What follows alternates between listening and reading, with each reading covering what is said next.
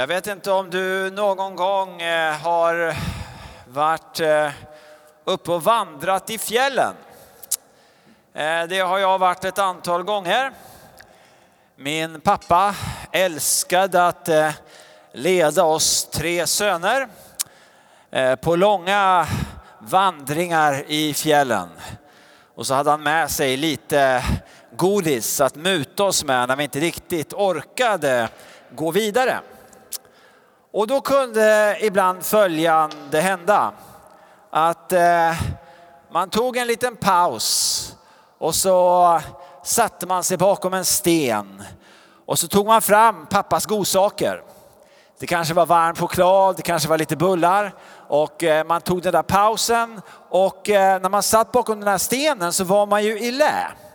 Så, så vinden eh, eh, var som, eh, jag höll på att säga vinden var som bortblåst, det var ju lite vitsigt, men eh, vinden kände man inte av just då. Men så var den där fikastunden slut och man ställer sig upp och man går bakom stenen ut på stigen igen på det mäktiga kalfjället. Och som du kanske känner till så blåser det ofta rejält där uppe och då kunde det, eh, då kunde det gå till som att man kom runt stenen och så woff, kände man hur motvinden tryckte till en, nästan tryckte en fysiskt baklänges. Det verkar vara något sånt som eh, Lukas ger uttryck för när han eh, beskriver vad som eh, Jesus gör Lukas evangelium är 24 kapitel långt.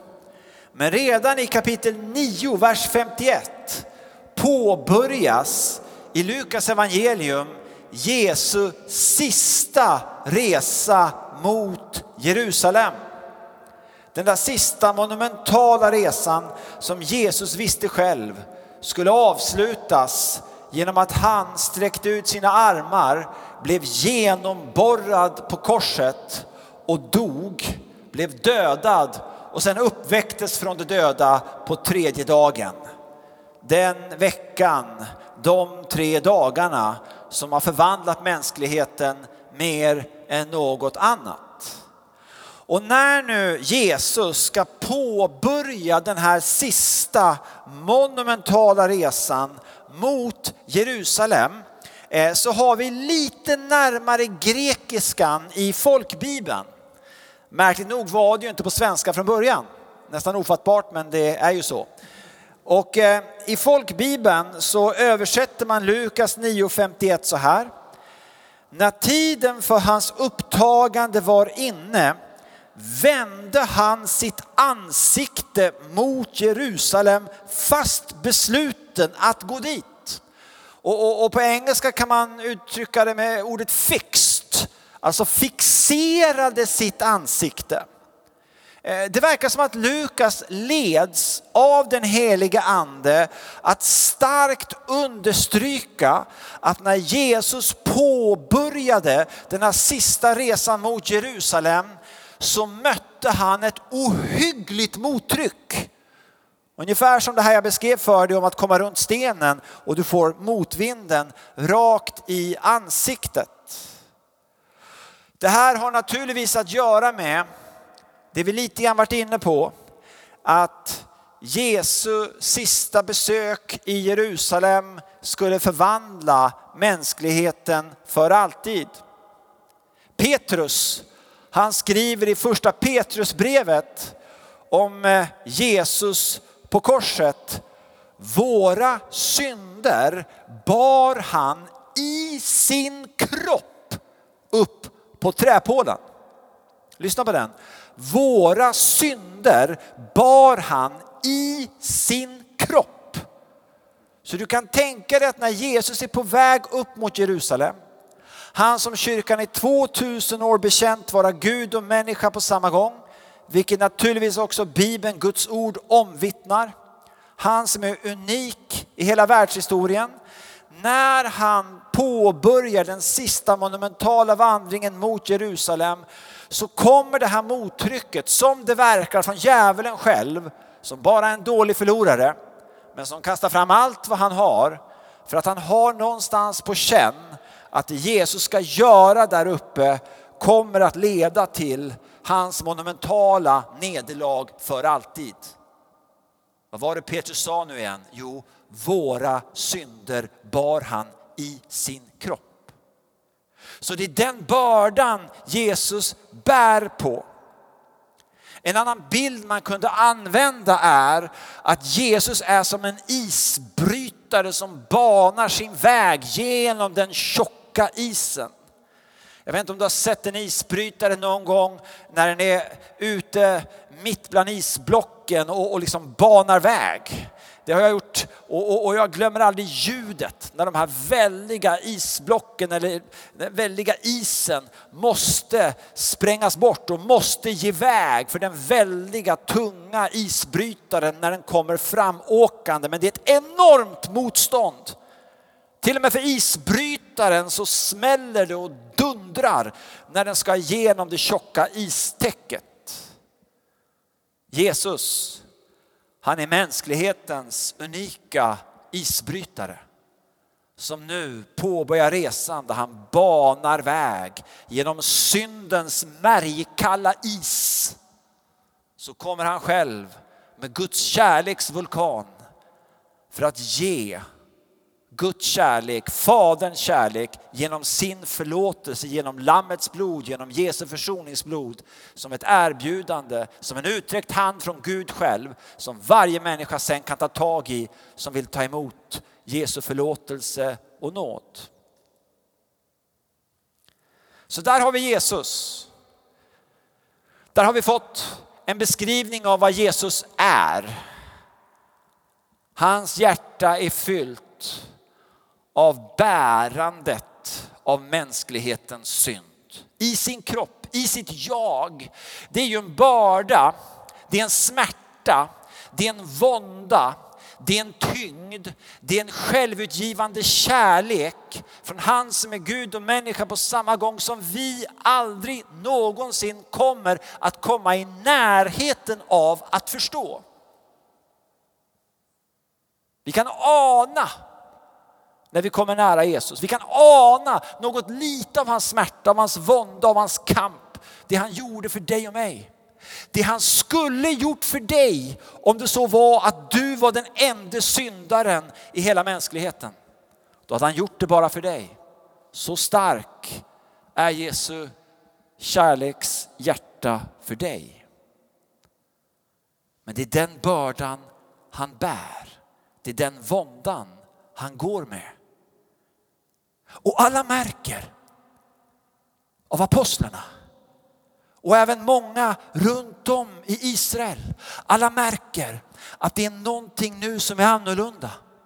Jag menar, Jesus hade varit uppe ett antal gånger till Jerusalem naturligtvis under sitt liv. Men det är någonting som är annorlunda. Det är någonting monumentalt. Det är någonting allvarstyngt. Det är någonting av, av, av ett kommande åskoväder, någon väldig eh, konfrontation som är på väg. Som gör att, att, att man förstår att man förstår att man förstår att den här vandringen till Jerusalem är inte som andra vandringar, den är helt unik.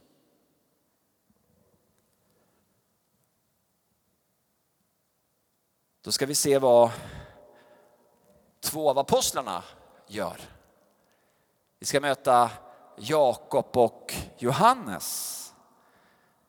Vad blir deras respons till att Jesus går där och bär mänsklighetens synd i sin kropp? Han hade ju redan tydligt talat om för apostlarna att han skulle dö på ett kors, att han skulle bli hånad, förödmjukad, avrättad. Att det var på det sättet han skulle rädda mänskligheten. Men det har stått gång på gång redan att apostlarna eh, förstod inte vad han sa. Ja, de hörde ju vad han sa, de förstod ju orden, men de förstod inte. Kanske skulle man kunna säga, de ville inte förstå vad han sa. Och då ska vi se vad som händer med Jakob och Johannes. Du har hört det i evangelietexten, eller hur? En by vill inte ta emot honom. Och Jakob och Johannes, de tittar inte bara på. När Jesus banar väg genom syndens is som hela mänskligheten sitter fast i sedan syndafallet. Nej, det vi ser här med Jakob och Johannes och det jag allt för ofta möter i mitt eget liv, jag är inte så ofta, högst ett par gånger per dag, det är ju att isen sitter inte bara utanför oss, ispropparna sitter i våra hjärtan. Och det märker vi på Jakob och Johannes som blir förbittrade, ursinniga, rasande när en by inte vill ta emot Jesus. Och de springer till Jesus. Hatet lyser i deras ögon. De, de, de eh, gnider sina tänder kanske och så säger de till Jesus, bränn upp den där byn, döm dem. Och Jesus stannar upp och tittar på dem. Så står det i texten att han tillrättavisar dem. Vissa handskrifter har att han tillrättavisar dem strängt. I alla fall noggrant, eftertryckligt. Jag tror det var en bedrövelse i Jesu hjärta. Att Jakob och Johannes just då var så långt bort från där hans eget hjärta var. Där gick han, den självutgivande kärleken med stort K, som tänkte framförallt på vad alla andra behövde. Han som skulle ge hela sitt liv, hela sitt ja för att kunna ge oss förlåtelse. Och så möter han detta hat, denna bitterhet, den här isproppen som, som skavde inne i Johannes och Jakob. Lite grann är det ju som Astrid Lindgren jag hade inte tänkt citera henne idag, men varför inte? Du kanske har läst Mio min Mio. Riddar Kato heter han väl. Ondskans härförare i den sagan.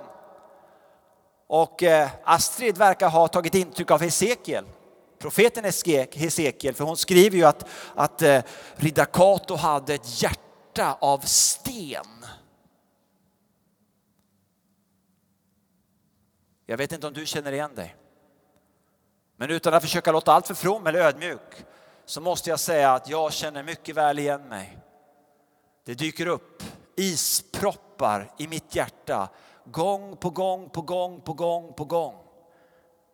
Där jag har så svårt att glädjas med andra. Eller jag har så svårt att ha samma barmhärtighet, samma utgivande kärlek, samma mildhet samma villighet att fortsätta älska som Jesus hade. Kanske känner du igen dig. Kanske har du tagit djupt intryck av Jesus och du vill följa honom och du älskar honom. Men du märker också att i ditt hjärta så finns där någonting som varenda dag smärtar dig. För det är en tagg, en istagg som drar åt det andra hållet. Då vill jag säga till dig, du är inte ensam. Vi har Jakob och Johannes med oss i det sällskapet. Så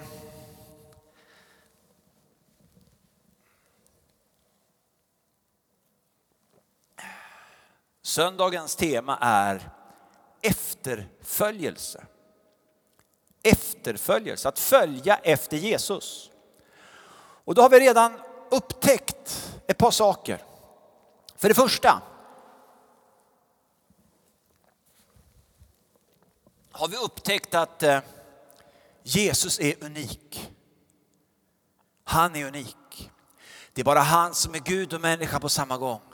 Det är bara han som är försoningsoffret som öppnar vägen till förlåtelse, Faderns förlåtelse för alltid genom sin försoningsdöd och sitt blod. För var och en som tar emot får det fritt och förintet av nåd. Har du inte tagit emot Jesus än och hans förlåtelse, du som tittar just nu, du kanske inte tänkte att du skulle titta på en gudstjänst, du kanske inte hade planerat det, du kanske sitter och tittar eh, med någon annan och så plötsligt halkar du in på program om Jesus. Då vill jag tala om för dig, han dog för din synd också. Du kan kasta ur dig en bönesuck och ta emot allt av det Jesus gjorde för alla inklusive dig. Dina synder bar han i sin kropp upp på träpålen. Så vi har lärt oss att Jesus är unik.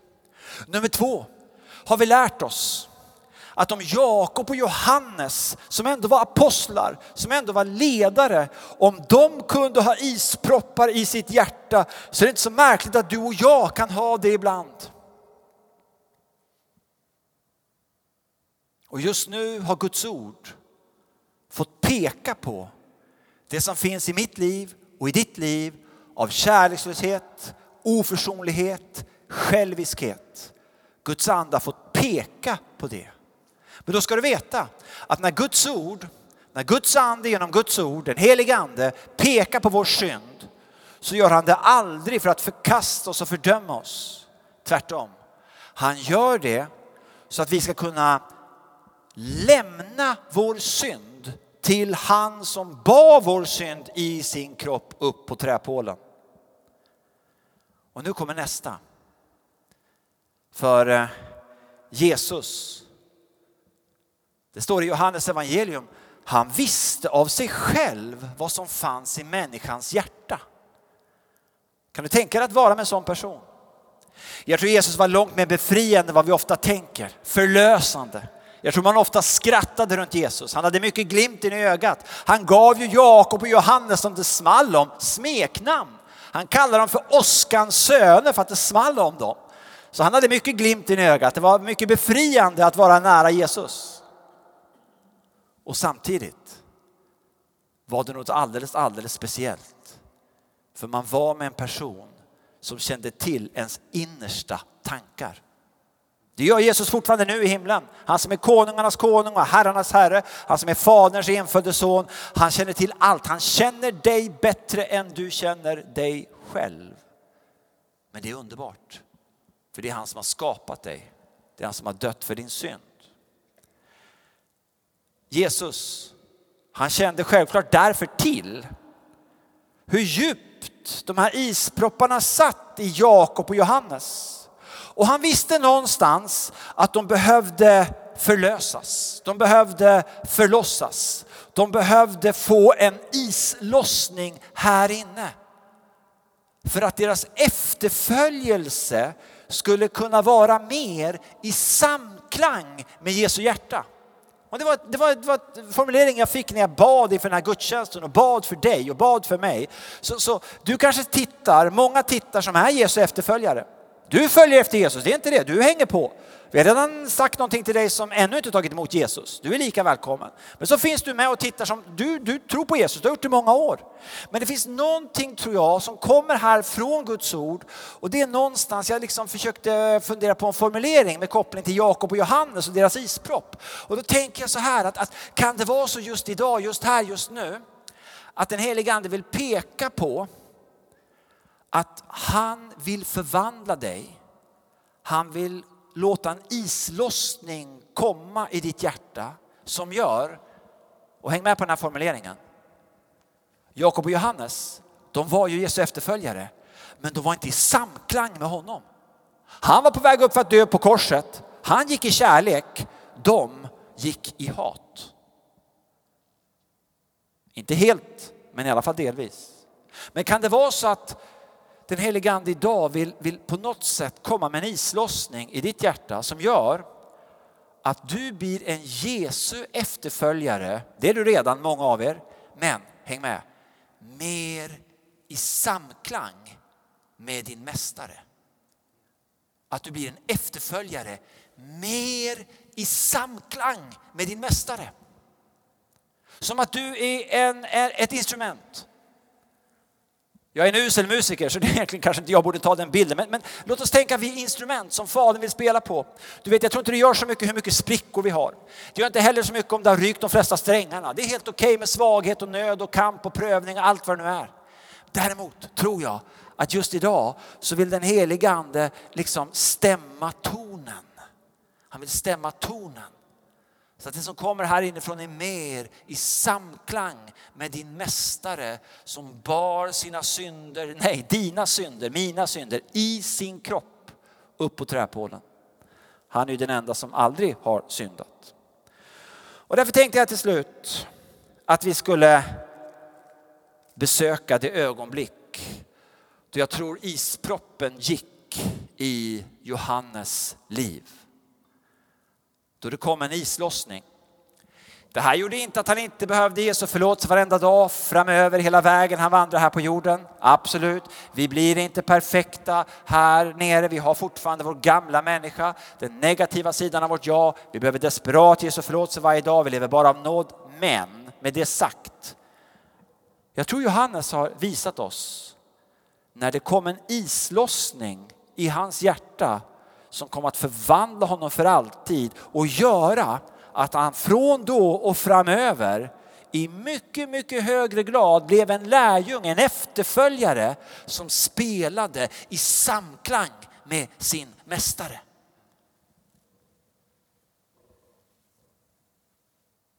Johannes skriver i sitt evangelium och det är ganska fascinerande för det kan vara uppåt 60 år efter att det hände.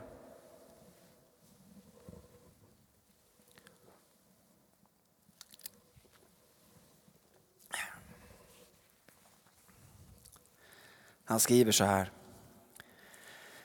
Johannes 13 från vers 1. Det var strax före påskhögtiden. Jesus visste att hans stund hade kommit, att han skulle lämna denna värld och gå till Fadern och smaka på den här formuleringen. Han hade älskat sina egna här i världen och han älskade dem in i det sista. Så går vi lite framåt. Och nu märker vi att Johannes är ett ögonvittne som kanske mer än 60 år efter händelsen så har han varje liten detalj i det som sen hände inristad för evigt i sitt minne. Han skulle aldrig glömma det som hände just då. Här har du hur islossningen kom till Johannes. Det står så här. Jesus reste sig från bordet la av sig manteln och tog en linnehandduk som han knöt om sig. Sedan hällde han vatten i ett tvättfat. Lägg märke till detaljerna här. Konungarnas konung, herrarnas herre. Han som var med när galaxerna skapades. Vad gör han? Jo, han lägger av sig manteln. Han tar en linnehandduk. Han knyter den om sig. Han häller upp vatten i ett tvättfat. Ni vet, han kunde ha låtit någon annan göra det. Alla hade lytt hans befallning. Men han vill göra det här själv och han gör det noggrant. Han gör det utstuderat. Det här är viktigt. Och så fortsätter han.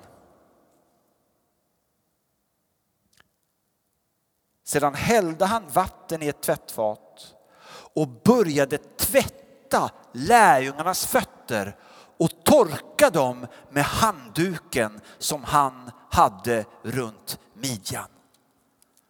Jag lovar det. Jag vet inte om du någon gång har sett Edvard Munchs tavla Skriet. Eh, jag googlade det igår och fick faktiskt reda på att det inte bara är en tavla, det är en installation.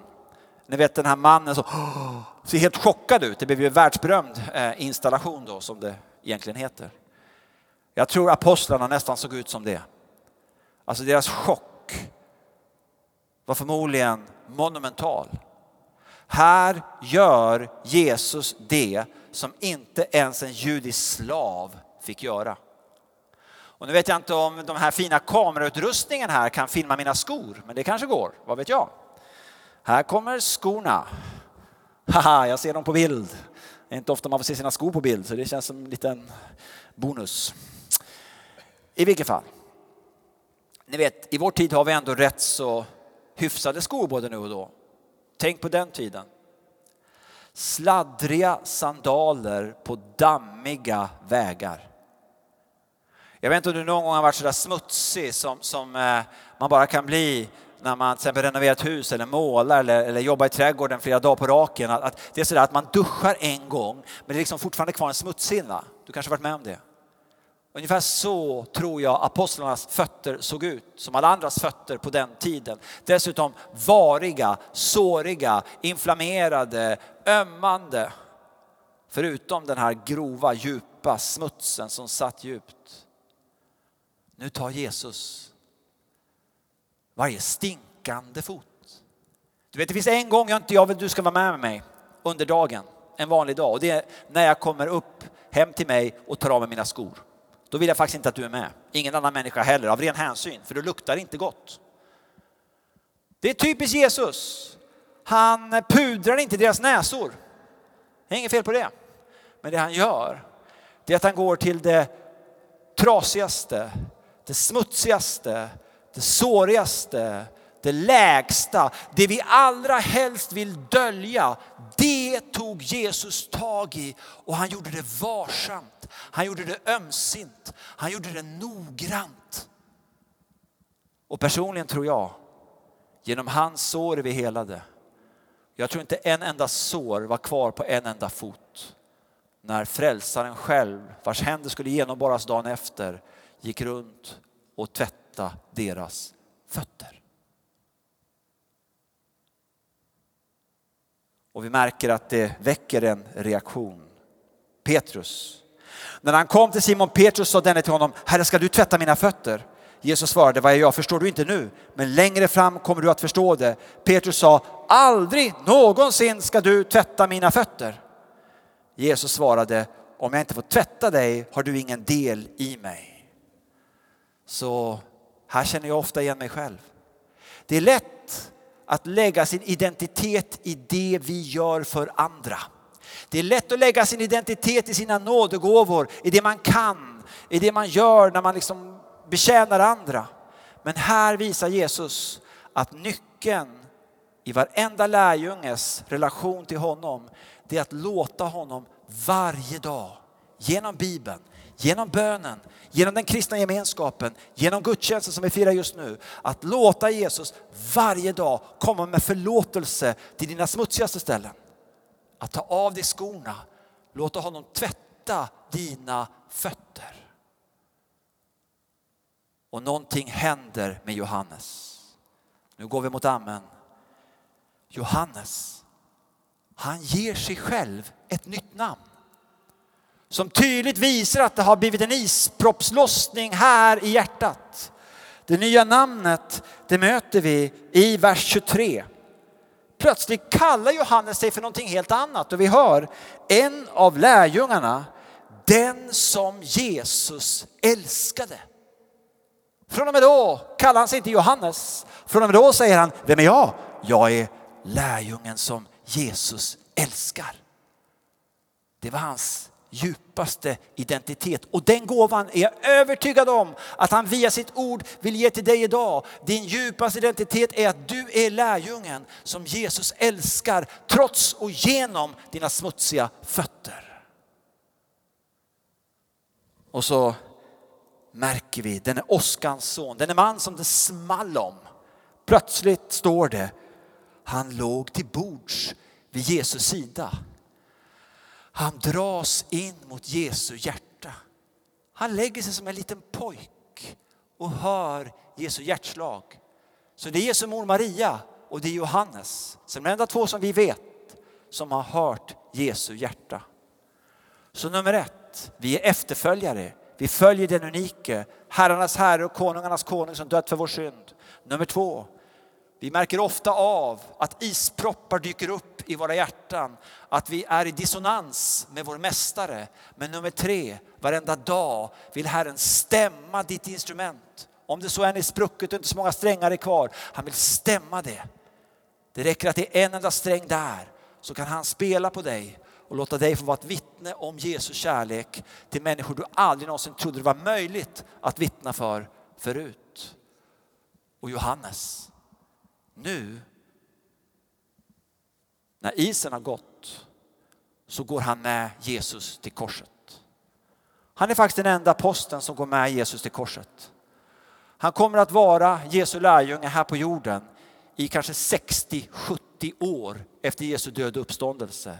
Och det sägs om Johannes, när han var en gammal man, det han sa, när man kom nära honom, det var älska varandra.